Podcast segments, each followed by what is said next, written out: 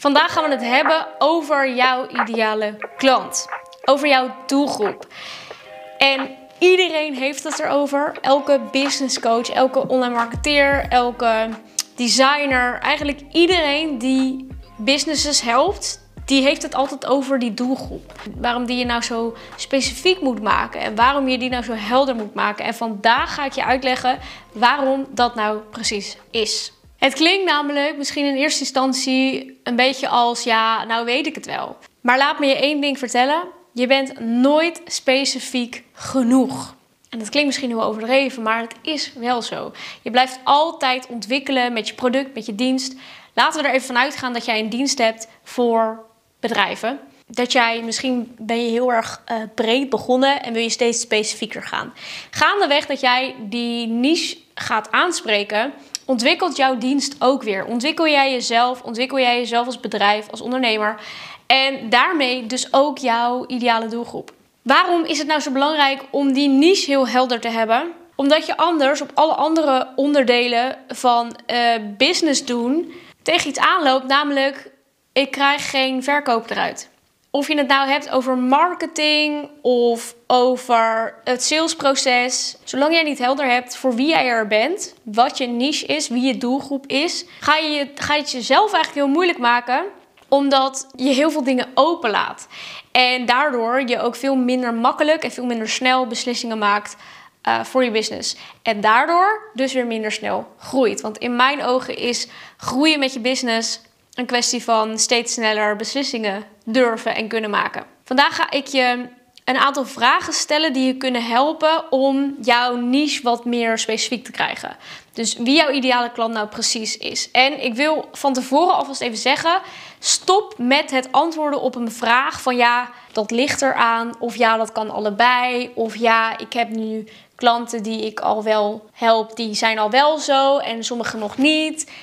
Kies één type klant. Kies één persoon in je hoofd. Dat kan een bestaande klant zijn, een klant die je al geholpen hebt, of een klant die je nog nooit hebt geholpen. Maar kies iemand die aan al die dingen voldoet, zeg maar.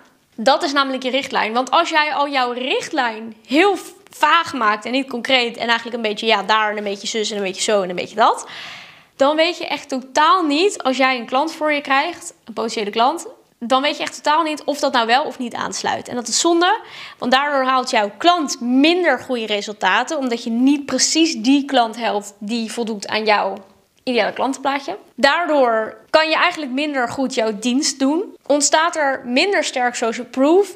En eigenlijk breek je jezelf je eigen loop een beetje af. Want wat je wilt is een perfect passende klant. Die wil je rete goed helpen met jouw dienst.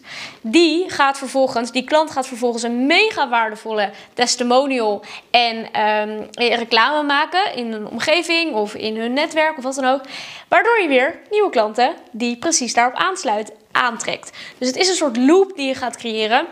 En als jij dus niet de klanten aantrekt die jij specifiek wilt helpen, die perfect passen bij wat jij doet en waar jouw dienst voor is, dan belanden ze niet in die loop. En dat is zonde.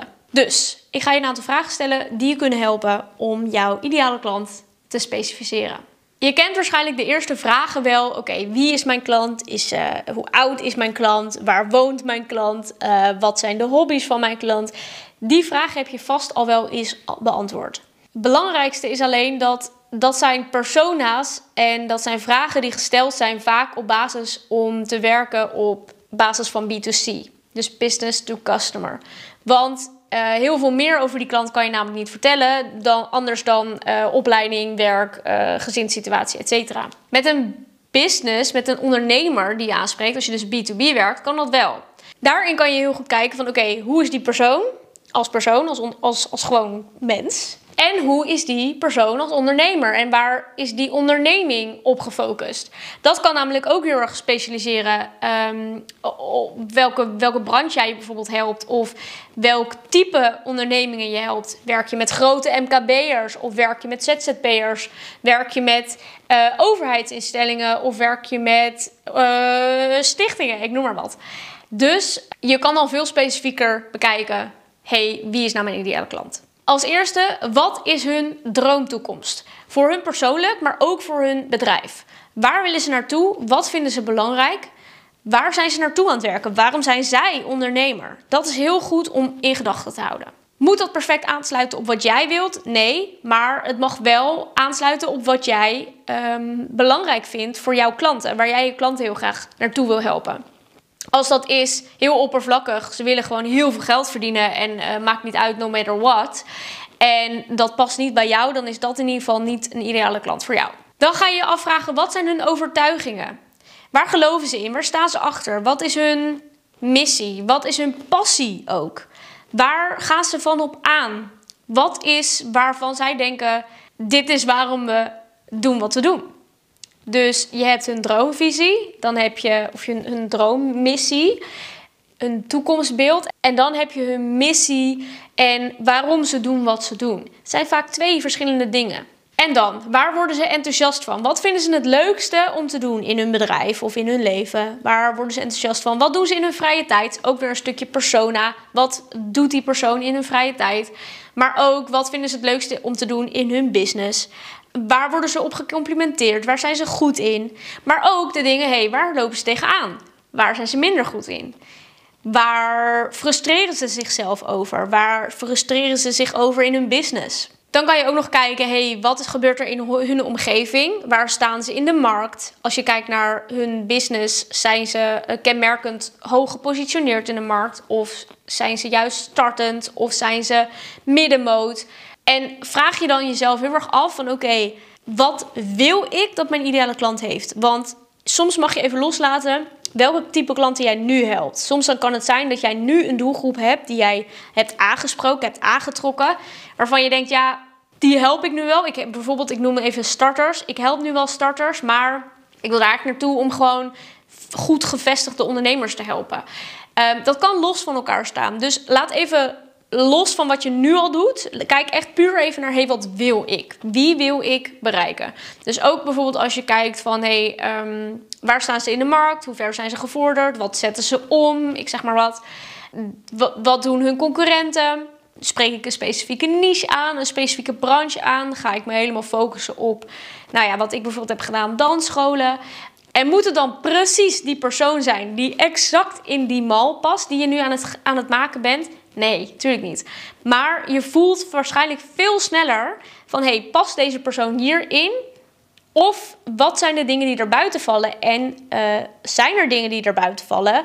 Uh, zo ja, is dat belangrijk of relevant voor de kracht van de samenwerking? Gaat de waarde daardoor naar beneden?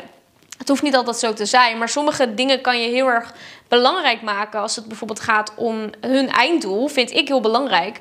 Ik wil echt iemand, met iemand werken die zegt: Ik wil een, een grote, impactvolle business maken.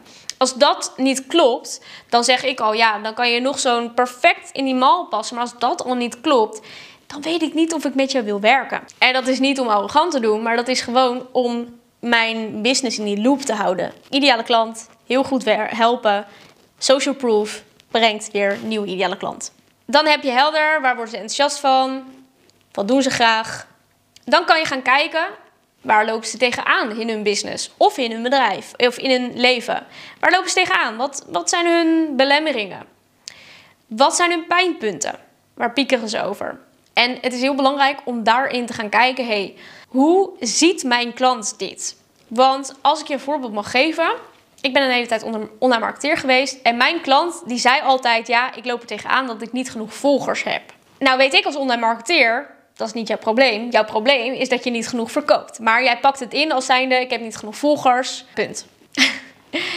nou, weet, weet jij misschien ook wel als, als ondernemer, dat is niet het ding. Maar daar liggen ze wel van wakker. Ik heb te weinig volgers. Ik heb te weinig bereik. En zo denken ze, zo communiceren ze, zo zoeken ze naar een oplossing.